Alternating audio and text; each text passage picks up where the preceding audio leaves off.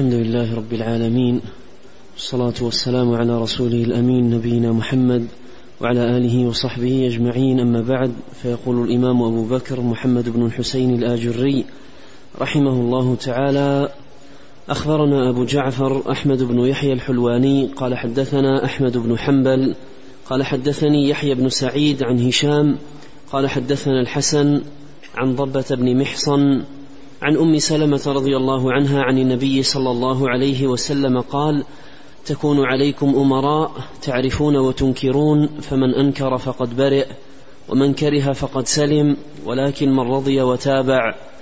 قالوا يا رسول الله ألا نقاتلهم؟ قال لا ما صلوا.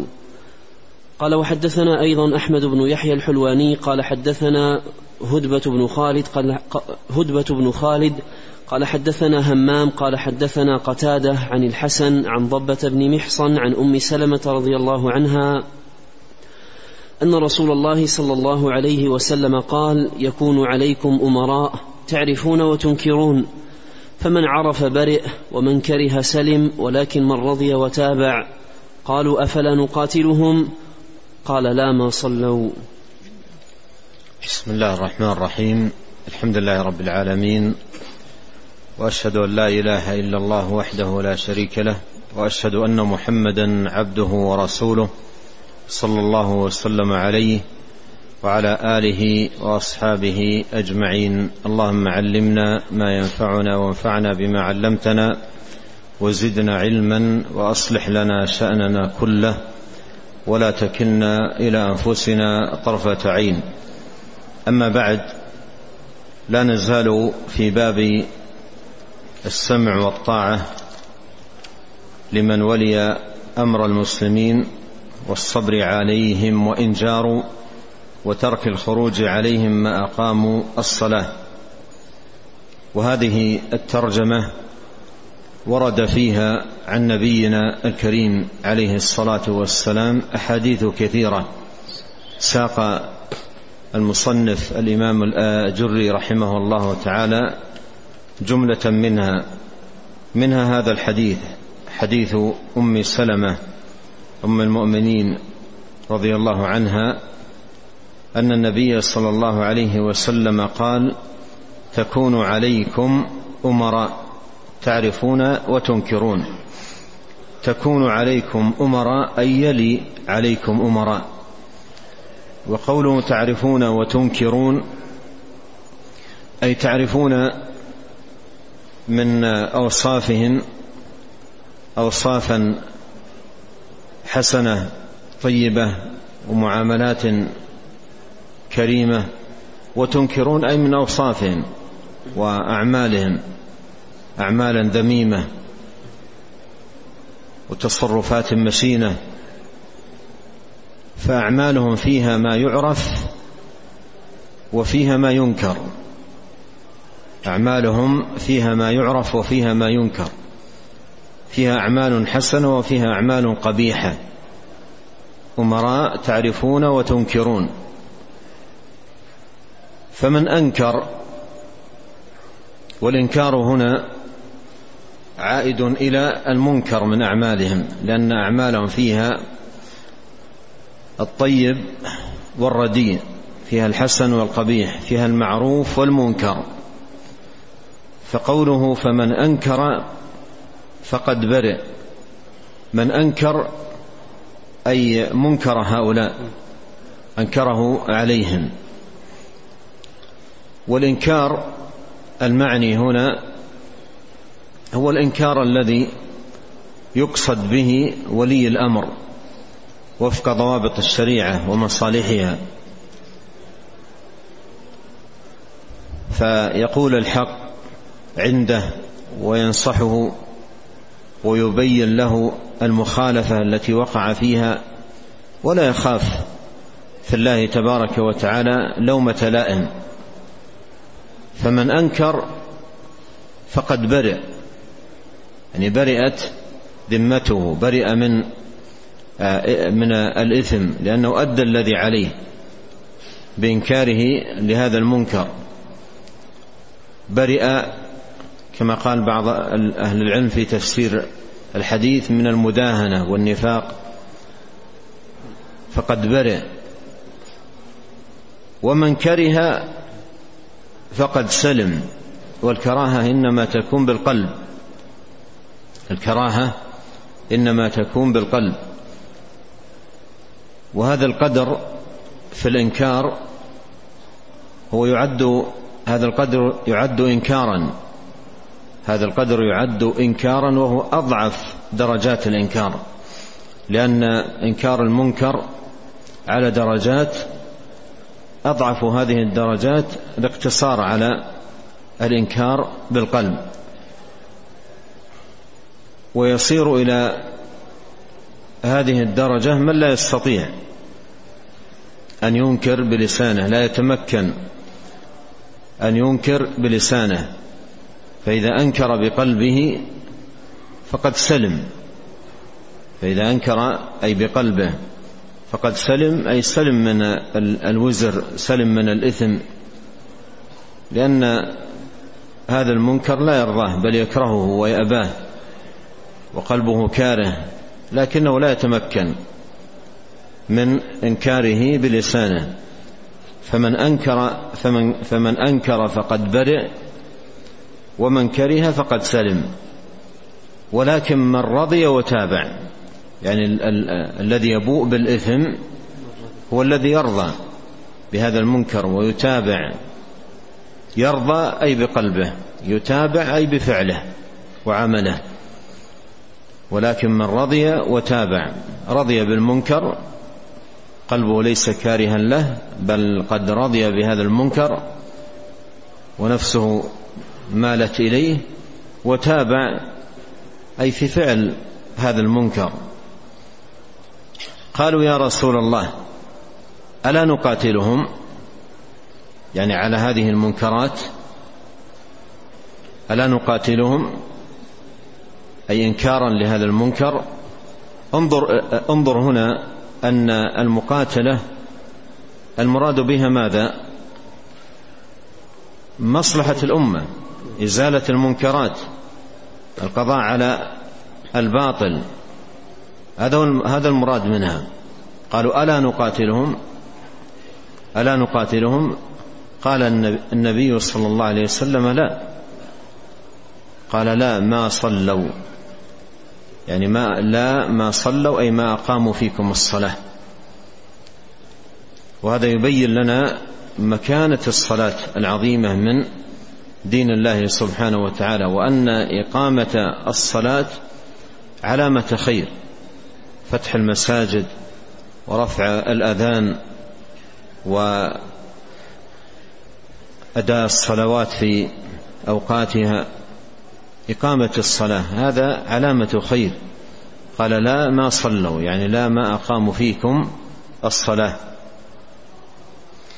وأورد الحديث نفسه من طريق أخرى لكنه ذكره بلفظ فمن عرف فقد برئ بدل قوله فمن أنكر فقد برئ قال فمن عرف فقد برئ أي عرف المنكر الذي عليه الولاة.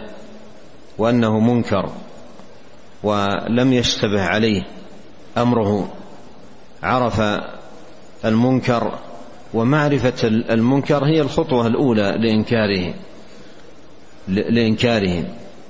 فهذه الرواية موافقة للتي قبلها فمن عرف فقد برئ أي عرف المنكر لينكره.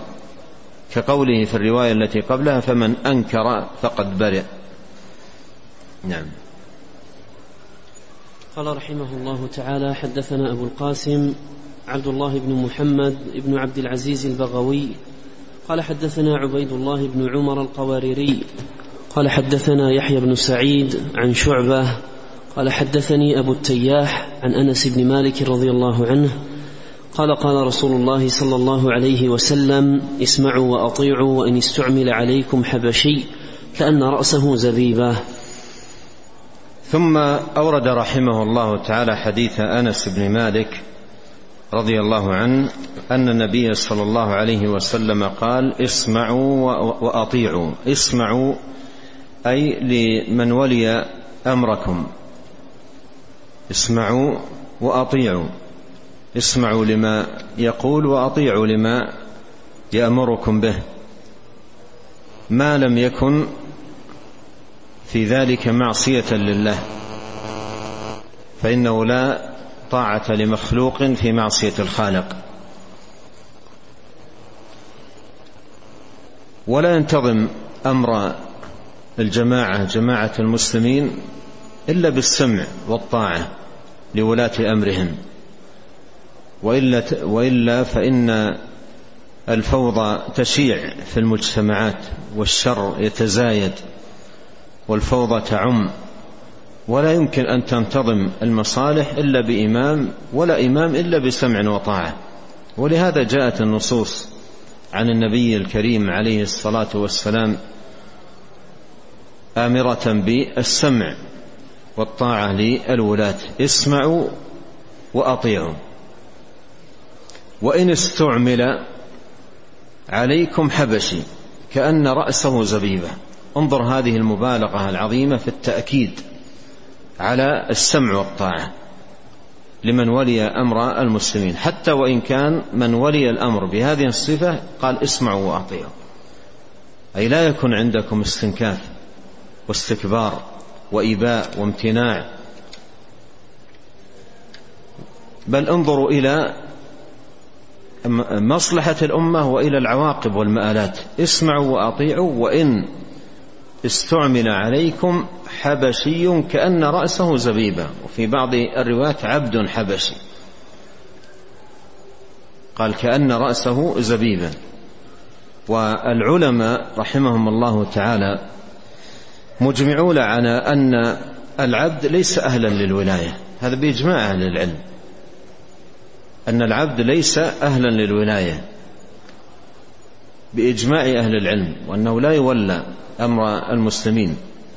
عبد والعبد منافعه لسيده لمالكه فبإجماع أهل العلم أنه لا ليس أهلا لأن يلي أمر المسلمين. لكن لعظم هذا المقام لعظم هذا المقام مقام السمع والطاعة لمن ولي أمر المسلمين أمر عليه الصلاة والسلام بالسمع والطاعة حتى لو كان بهذه الصفة عبدا حبشيا. كأن رأسه زبيبة. قال بعض العلماء إنما قال ذلك عليه الصلاة والسلام على وجه المبالغة في التأكيد على هذا الأمر. وإن كان لا يقع. وإن كان لا يقع. وإنما تأكيدا على هذا الأمر. السمع والطاعة من ولي أمر المسلمين. وقيل إن إن ذلك عني به عندما يكون للعبد غلبة. عندما يكون للعبد غلبة بالقهر. كما يفيده بعض ألفاظ الحديث إن تأمر عليكم. إن تأمر عليكم أي بشوكته قهره ومثلا بطشه ونحو ذلك. وقيل إن المعني بذلك إذا ولاه ولي الأمر امرة بلدة معينة. ولاه ولي الأمر امرة بلدة معينة أو منطقة معينة. الحاصل أن النبي عليه الصلاة والسلام أكد تأكيدا عظيما على أمر السمع والطاعة لولاة أمر المسلمين لما في هذا من المصالح العظيمة ودرء الشرور الكبيرة عن آه، الأمة. حتى وإن كان من ولي أمر المسلمين عبدا حبشيا كأن رأسه زبيبة. نعم. قال رحمه الله تعالى وحدثنا الفريابي قال حدثنا قتيبة بن سعيد عن مالك بن أنس عن يحيى بن سعيد قال أخبرني عبادة بن الوليد قال أخبرني أبي عن أبيه رضي الله عنه قال بايعنا رسول الله صلى الله عليه وسلم على السمع والطاعة في اليسر والعسر والمنشط والمكره وألا ننازع الأمر أهله وأن نقوم أو نقول بالحق حيثما كنا لا نخاف في الله لومة لائم. قال حدثنا الفريابي قال حدثنا محمد بن المثنى قال حدثنا عبد الوهاب يعني الثقفي قال سمعت يحيى بن سعيد يقول أخبرني عبادة بن الوليد عن عبادة بن الصامت أن الوليد بن عبادة قال أخبرني أبي رضي الله عنه قال بايعنا رسول الله صلى الله عليه وسلم على السمع والطاعة في العسر واليسر والمكره والمنشط. فذكر مثله. ثم أورد رحمه الله تعالى هذا الحديث عن النبي صلى الله عليه وسلم حديث عبادة بن الصامت.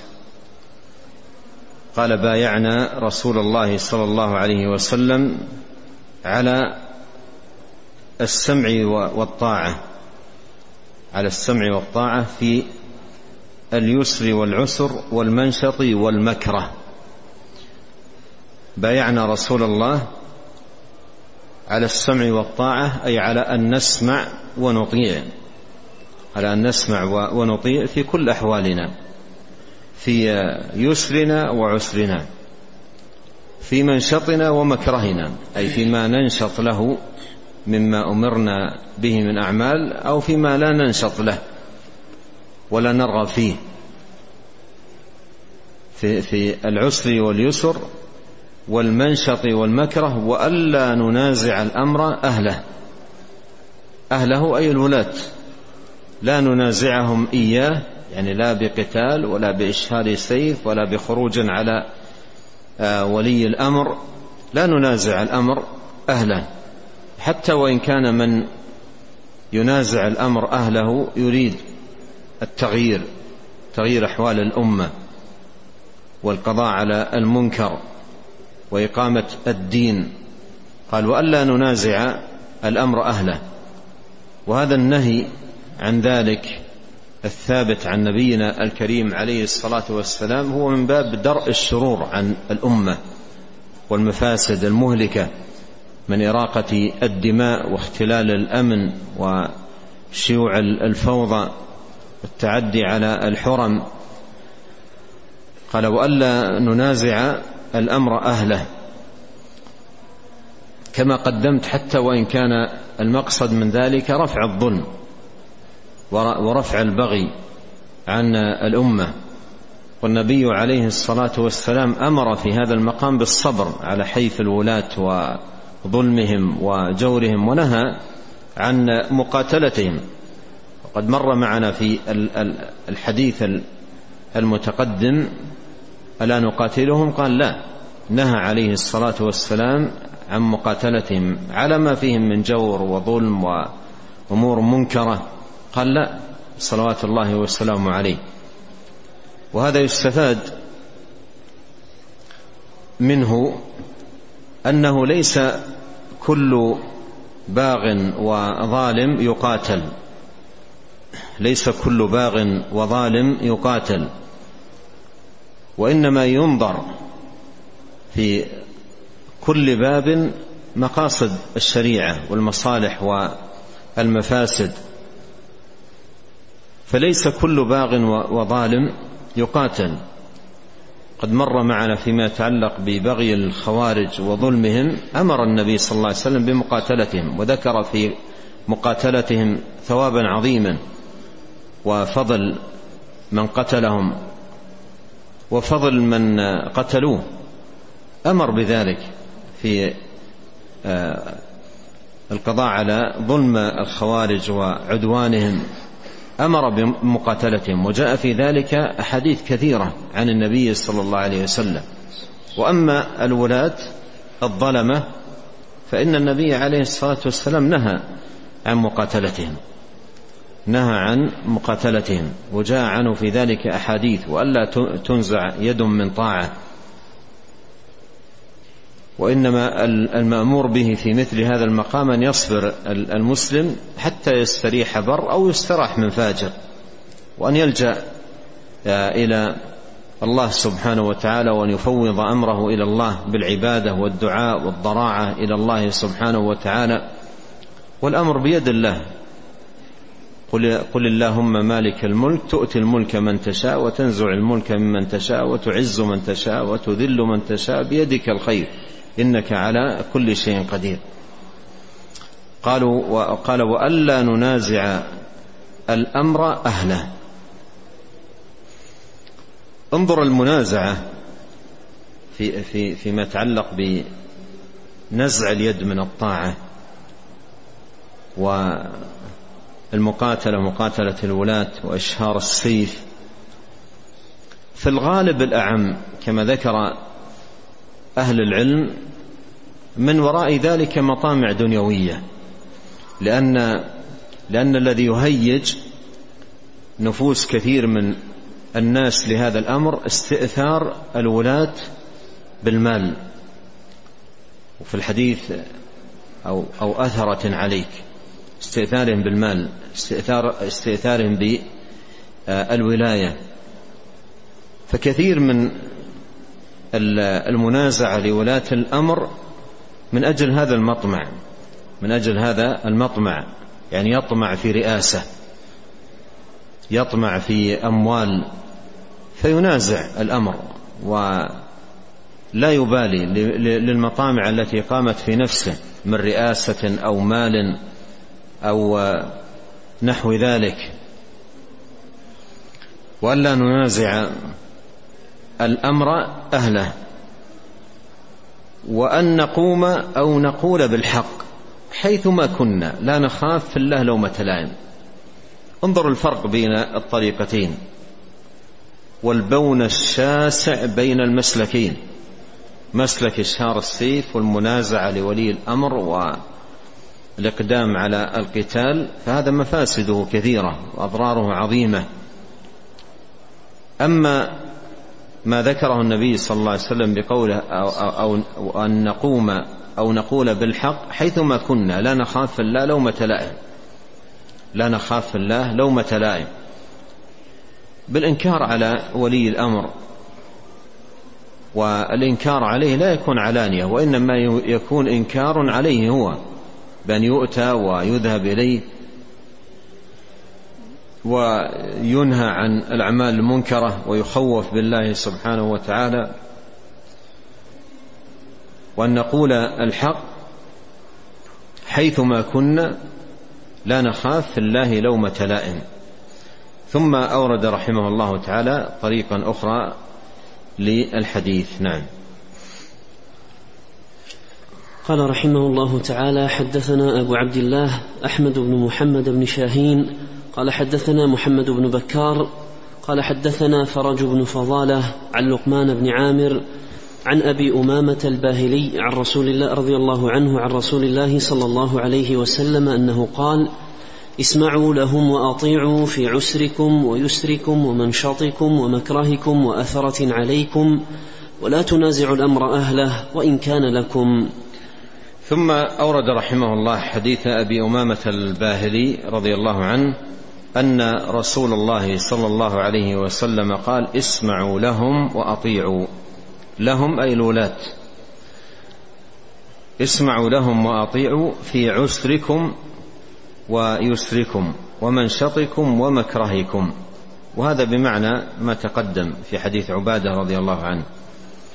وأثرة عليكم. وأثرة عليكم أي وإن استأثر ولاة الأمر بالمال عليكم. تركوكم في فقر وقلة ذات اليد لا مال ولا مسكن ولا واستأثروا بالأموال واثره عليكم. يعني وإن وجدت هذه الأثرة لا تنازع الأمر أهله ولكن اصبروا. أدوا الذي عليكم من سمع وطاعة وسلوا الله سبحانه وتعالى الذي لكم من حقوق أو أموال أو غير ذلك لكن لا تنزعوا يدا من طاعة. قال وأثرة عليكم ولا تنازعوا الأمر أهله. ولا تنازعوا الأمر أهله. وهذه المنازعة منازعة الأمر أهله حذر منها النبي عليه الصلاة والسلام في أحاديث كثيرة لأنها فيها مفاسد عظيمة وشرور عظيمة على الأمة. قال ولا تنازعوا الأمر أهله وإن كان لكم. يعني, يعني وإن كان يرى آه، الإنسان أن الأمر له وأنه أولى به وأنه أجدر بولي الأمر القائم منه أجدر بالولاية منه. قال وإن كان لكم. لماذا؟ لأن آه، الشريعة آه، يراعى فيها درء المفاسد وهو مقدم على جلب المفاسد جلب المصالح. وهذه المنازعة فيها مفاسد كثيرة من إراقة الدماء واختلال الأمن الأمن وغير ذلك. نعم. قال رحمه الله تعالى وأخبرنا أحمد بن يحيى الحلواني قال حدثنا أحمد بن حنبل قال حدثنا محمد بن جعفر قال حدثنا شعبة عن سماك بن حرب عن علقمة بن وائل الحضرمي عن أبيه قال سأل يزيد بن سلمة الجعفي رسول الله صلى الله عليه وسلم أرأيت إن قامت علينا أمراء؟ فسألونا حقهم ومنعونا حقنا فما تأمرنا؟ فأعرض عنه. ثم سأله الثانية أو الثالثة فجابذه الأشعث بن قيس وقال اسمعوا وأطيعوا فإنما عليهم ما حملوا وعليكم ما حملتم. ثم أورد رحمه الله تعالى حديث يزيد بن سلمة أن أن, أن نعم حديث يزيد أنه سأل النبي صلى الله عليه وسلم قال أرأيت إن قامت علينا أمراء فسألونا حقهم ومنعونا حقنا سألونا حقهم أي حقوق الولاة لا يضيعون شيء منها بل يطالبونها يطالبون الرعية بها وافية. سألونا حقهم أي طالبوا الرعية حقهم وافيا. ومنعونا حقنا. وحقنا هنا مفرد مضاف أي حقوقنا. منعونا حقوقنا لا يعطون الرعية حقوقهم. يبخسون الرعية حقوقهم هذا ظلم وجور وحيث. ومنعونا حقنا فما تأمرنا؟ أي ألا ننازع ننازعهم الأمر ألا نقاتلهم؟ هذا المراد بقوله فما تأمرنا. فعرض عنه النبي عليه الصلاة والسلام ثم سأله الثانية أو الثالثة. أعرض عنه النبي عليه الصلاة والسلام فجبذه الأشعث بن قيس. جبذه الأشعث بن قيس يعني كراهة تكرار هذا السؤال الذي أعرض عنه النبي عليه الصلاة والسلام وقال أي النبي صلى الله عليه وسلم اسمعوا وأطيعوا فإنما عليهم ما حملوا وعليكم ما حملتم. الولاة حملوا أن يؤدوا حقوق الرعية وافية وألا يظلموا الرعية وأن يؤدوا حقوقهم وافية. كما في قوله سبحانه وتعالى إن الله يأمركم أن تؤدوا الأمانات إلى أهلها وإذا حكمتم بين الناس أن تحكموا بالعدل. هذا يتعلق بالولاة. والآية التي بعدها مباشرة يقول الله سبحانه وتعالى فيها يا أيها الذين آمنوا أطيعوا الله وأطيعوا الرسول وأولي الأمر منكم. فالآية الأولى فيما حمل الولاة والآية الثانية فيما حمل الرعية وكل مطالب بما حمل. فالولاة حملوا الحكم بالعدل أداء الحقوق حقوق الرعية إليهم حملوا ذلك. وإذا وقفوا بين يدي الله سبحانه وتعالى سألهم عن ذلك. انتبه هنا إلى فائدة أن الرعية أفراد الرعية يوم القيامة إذا وقف أمام الله يسأل عن نفسه يسأل عن نفسه. أما الراعي فأمره أعظم يسأل عن نفسه وعن رعيته. وفي الحديث كلكم راع وكلكم مسؤول عن رعيته. إن كانت الرعية مثلا عشرين مليون ثلاثين مليون مئة مليون كل هؤلاء يسأل, يسأل عنهم. والرعية كل واحد منهم يسأل عن نفسه أو يسأل عن نفسه وأهل بيته. فهو حمل مسؤولية عظيمة. وإذا وقف بين يدي الله سبحانه وتعالى يسأله عن عن عما حمل من حقوق لرعيته. يسأله الله عن ذلك. والرعية حملوا السمع والطاعة. هذا واجبهم. فيقول عليه الصلاة والسلام فإنما عليهم ما حملوا وعليكم ما حملتم. إذن الطريقة الصحيحة في هذا المقام أن تؤدي إذا كان الوالي ظالما. الطريقة الصحيحة في هذا المقام أن تؤدي آه، الرعية حقوق الحقوق التي له عليهم لأن الله يسألهم عنها. اسمعوا وأطيعوا. في القرآن وأطيعوا وفي القرآن وأولي الأمر منكم أي وأطيعوا أولي الأمر منكم فهذا حق جعله الله للولاة. حق جعله الله سبحانه وتعالى للولاة. يجب أن أن يفي الأمر به. إن لم يفي المرء به يسأله الله عن ذلك يوم القيامة. وعليكم ما حملتم. إذا الطريقة الصحيحة في هذا المقام أن يؤدي أن تؤدي الرعية الذي عليها من سمع وطاعة وتسأل الله الذي لها. تسأل الله الذي لها. نعم.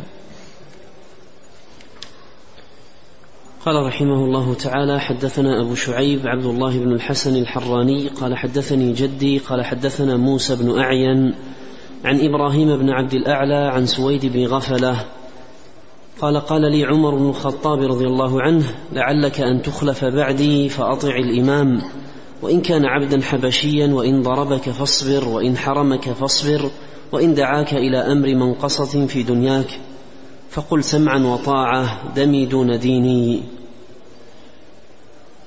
وأخبرنا أبو زكريا يحيى بن محمد الحنائي قال حدثنا محمد بن عبيد بن حساب قال حدثنا حماد بن زيد قال حدثنا ليث عن إبراهيم بن عن إبراهيم بن عبد الأعلى عن سويد بن غفلة قال لي عمر بن الخطاب رضي الله عنه لا أدري لعلك أن تخلف بعدي فأطع الإمام وإن أمر عليك عبد حبشي مجدع فإن ظلمك فاصبر وإن حرمك فاصبر وإن دعاك إلى أمر ينقصك في دنياك فقل سمعا وطاعة دمي دون ديني. نعم. قال, قال محمد بن الحسن قال؟ قال محمد بن الحسين رحمه الله تعالى فإن قال قائل إيش؟ أيش الذي يحتمل عندك قول عمر رضي الله عنه فيما قاله؟ قيل له يحتمل والله أعلم أن نقول من أمر عليك من عربي أو غيره أسود أو أبيض أو عجمي فأطعه فيما ليس لله فيه معصية وإن حرمك حقا لك أو ضربك ظلم أو ضربك ظلما لك أو انتهك عرضك أو أخذ مالك فلا يحملك ذلك على أن تخرج عليه بسيفك حتى تقاتله. ولا تخرج مع خارجي يقاتله ولا تحرض غيرك على الخروج عليه ولكن اصبر عليه. وقد يحتمل أن يدعوك إلى منقصة في دينك من غير هذه الجهة يحتمل أن يأمرك بقتل من لا يستحق القتل أو بقطع عضو من, عضو من لا يستحق ذلك أو بضرب من لا يحل ضربه أو بأخذ مال من لا يستحق أن تأخذ ماله أو بظلم من لا يحل لك ولا ل... من لا يحل له ولا لك ظلمه فلا يسعك أن تطيعه.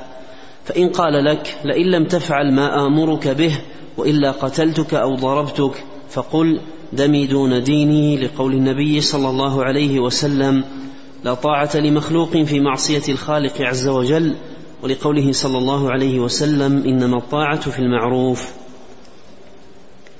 ثم أورد رحمه الله تعالى هذا الخبر عن سويد بن غفلة أن عمر بن الخطاب رضي الله عنه قال له لعلك أن تخلف بعدي فأطع الإمام. وهذا فيه أن الصحابة رضي الله عنهم وأرضاهم كانوا يوصون بما كان يوصيهم به رسول, رسول الله صلى الله عليه وسلم من السمع والطاعة للامام وهذا يفيدنا أن هذا الأمر العظيم كما أن المسلم ينبغي عليه أن يحرص على فعله أيضا ينبغي عليه أن يوصي به الآخرين أن يوصي به الآخرين لأن هذا باب خير للأمة. والنبي عليه الصلاة والسلام لا يأمر إلا بخير. أمر بالسمع والطاعة وهذا خير. لا يأمر إلا بخير. ونهى عن المنازعة منازعة الأمر أهله ولا ينهى إلا عن شر. فقوله اسمعوا وأطيعوا هذا باب خير للأمة. وقوله لا تنازع الأمر اهله هذا باب شر لأنه عليه الصلاة والسلام لا يأمر إلا بخير ولا ينهى إلا عن شر. صلوات الله وسلامه عليه. بل قال في الحديث الصحيح ما بعث الله من نبي إلا كان حقا عليه أن يدل أمته إلى خير ما يعلمه لهم إلا أن يدل أمته إلى خير ما يعلمه لهم وأن ينهاهم عن أو يحذرهم من شر ما يعلمه لهم. فالنبي عليه الصلاة والسلام لا يأمر إلا بخير ولا ينهى إلا عن شر صلوات الله وسلامه وبركاته عليه. فالحاصل أن الصحابة رضي الله عنه عنهم وأرضاهم كانوا يوصون بذلك. قال فأطع الإمام وإن كان عبدا حبشيا وإن كان عبدا حبشيا. العبد الحبشي بالإجماع ليس أهلا. يعني وإن كنت ترى أنه ليس أهلا حتى وإن كنت ترى أنه ليس أهلا اسمع وأطع. انظر في العواقب. واحذر المفاسد التي تترتب على نزع اليد من من الطاعة. فقوله وإن كان عبدا حبشيا هو بإجماع أهل العلم ليس أهلا. يعني وإن المعنى وإن كنت ترى أنه ليس أهلا للولاية. ولهذا تجد في كثير من المقامات يقول بعض الناس هذا والله ما هو أهل. لا والله ما أسمع ولا أطيع. هذا ما هو أهل. فالنبي صلى الله عليه وسلم يقول وإن كان عبدا حبشيا يعني وإن كان ليس أهلا هذا العبد الحبشي بالإجماع إجماع العلماء ليس أهلا للولاية. قال وإن كان عبدا حبشيا هذا جانب عدم الأهلية.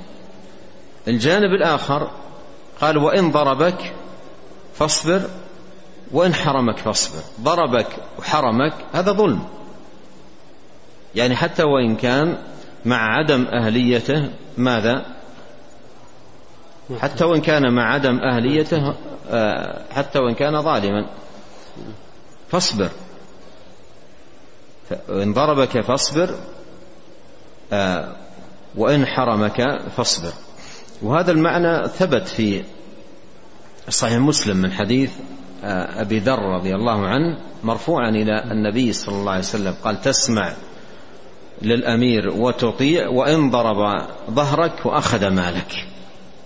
وإن ضرب ظهرك وأخذ مالك. هذا ثابت عن النبي صلى الله عليه وسلم. وهذه الوصية من عمر هنا إن ضربك فاصبر وإن حرمك فاصبر مأخوذة من وصية النبي عليه الصلاة والسلام. وإن ضرب ظهرك وأخذ مالك. صلوات الله والسلام عليه. قال وإن ضربك فاصبر وإن حرمك فاصبر. وهنا الصبر على هذا الجور وعلى هذا الظلم باب من أبواب الأجور ورفعة الدرجات وتكثير السيئات. لأن لأن الإنسان لأن الإنسان فعل ماذا؟ فعل شيئا أمر به. أمر به. جاء الأمر به في هدي الرسول الكريم عليه الصلاة والسلام فإذا فعله المرء ديانة وطاعة لله وامتثالا لأمر رسوله عليه الصلاة والسلام فإنه يؤجر على ذلك ويكون باب من أبواب تكفير السيئات قال فإن ضربك فاصبر وإن حرمك فاصبر. وإن دعاك إلى أمر أمر منقصة في دنياك وإن دعاك إلى أمر منقصة في دنياك فقل سمعا وطاعة دمي دون ديني وهذه الجملة يأتي شرحها في كلام الأجري رحمه الله تعالى. وأورد طريقا أخرى لهذا الخبر وهي بمعنى أو مثل الطريق الأولى. قال الأجري رحمه الله فإن قال قائل إيش الذي يحتمل عندك؟ قول عمر رضي الله عنه فيما قاله. قيل له يحتمل والله أعلم أن نقول من أمر عليك من عربي أو غيره أسود أو أبيض أو أعجمي فأطعه فيما ليس لله فيه معصية. أما معصية الله لا طاعة لمخلوق في معصية الخالق فيما ليس لله فيه معصية. وإن حرمك حقا لك أو ضربك ظلما لك أو انتهك عرضك أو انتهك عرضك بمثلا سب أو شتيمة أو آه، سخرية أو غير ذلك أو أخذ مالك فلا يحملك فلا يحملك ذلك على أن تخرج عليه بسيفك حتى تقاتله.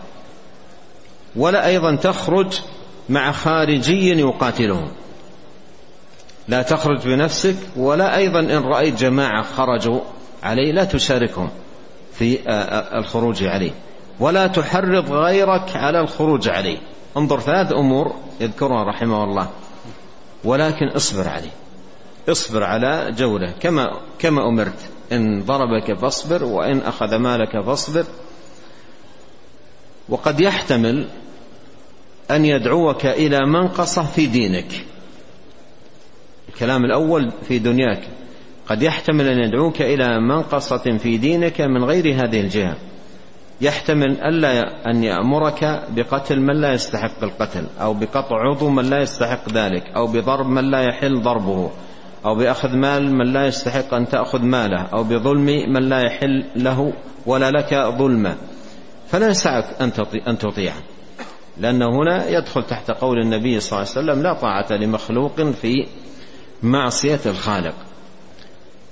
فإن قال لك لئن لم تفعل ما آمرك به وإلا قتلتك أو ضربتك فقل دمي دون ديني. فقل دمي دون ديني. لقول النبي صلى الله عليه وسلم لا طاعة لمخلوق في معصية الخالق ولقوله إنما الطاعة في المعروف. إذا أمرك بمعصية لا تسمع له ولا تطيع. إن أمرك بقتل من لا يستحق قتلا أو بقطع عضو من لا يستحق أن يقطع أو بأخذ مال آه، محرم محرم أخذه أو آه، أمرك أن آه، لا تصلي أو أمرك أن تشرب مشروبا محرما أو مأكولا محرما كل ذلك لا يسمع له ولا يطاع. إنما الطاعة في المعروف. فإن أمرك أي, بمعصية فقل دمي دمي دون مالي آه، دمي دون ديني. نعم. نعم. قال رحمه الله تعالى حدثني أبو جعفر أحمد بن خالد البرضعي في المسجد الحرام سنة تسع وتسعين ومائتين قال حدثنا علي بن سهل الرملي قال حدثنا الوليد بن مسلم عن ابن أبي جابر قال حدثني زريق مولى بني فزارة قال سمعت مسلم بن قرضة الأشجعي قال سمعت عمي عوف بن مالك الأشجعي رضي الله عنه يقول سمعت رسول الله صلى الله عليه وسلم يقول خيار أئمتكم الذين تحبونهم ويحبونكم وتصلون عليهم ويصلون عليكم وشرار أئمتكم الذين تبغضونهم ويبغضونكم وتلعنونهم ويلعنونكم قلنا يا رسول الله أفلا ننابذهم على ذلك؟ قال لا ما أقاموا فيكم الصلاة لا ما أقاموا فيكم الصلاة. ألا من ولي عليكم منهم فرآه يأتي شيئا من معصية الله؟ فلينكر ما يأتي به من معصية الله ولا ينزعن يدا من طاعة الله عز وجل. قلت لزريق آه الله. يا أبا المقدام لسمعت مسلم, لسمعت مسلم بن قرظة يقول سمعت عمي عوف بن مالك رضي الله عنه يقول سمعت رسول الله صلى الله عليه وسلم يقول ما أخبرت به عنه؟ قال ابن جابر فجفى زريق على ركبتيه واستقبل القبلة وحلف على ما سألته أن يحلف عليه. قال ابن جابر ولم أستحلفه اتهاما له ولكني استحلفته استثباتا. نعم يؤجل الكلام عليه إلى لقاء الغد. اللهم انفعنا بما علمتنا وزدنا علما واصلح لنا شأننا كله ولا تكلنا إلى أنفسنا طرفة عين. اللهم اقسم لنا من خشيتك ما يحول بيننا وبين معاصيك ومن طاعتك ما تبلغنا به جنتك ومن اليقين ما تهون به علينا مصائب الدنيا. اللهم متعنا بأسماعنا وأبصارنا وقوتنا ما أحييتنا واجعله الوارث منا واجعل ثأرنا على من ظلمنا وانصرنا على من عادانا ولا تجعل مصيبتنا في ديننا ولا تجعل الدنيا أكبر همنا ولا مبلغ علمنا ولا تسلط علينا من لا يرحمنا. سبحانك اللهم وبحمدك أشهد أن لا إله إلا أنت أستغفرك وأتوب إليك. اللهم صل وسلم. على عبدك ورسولك نبينا محمد وآله وصحبه. جزاكم الله خيرا.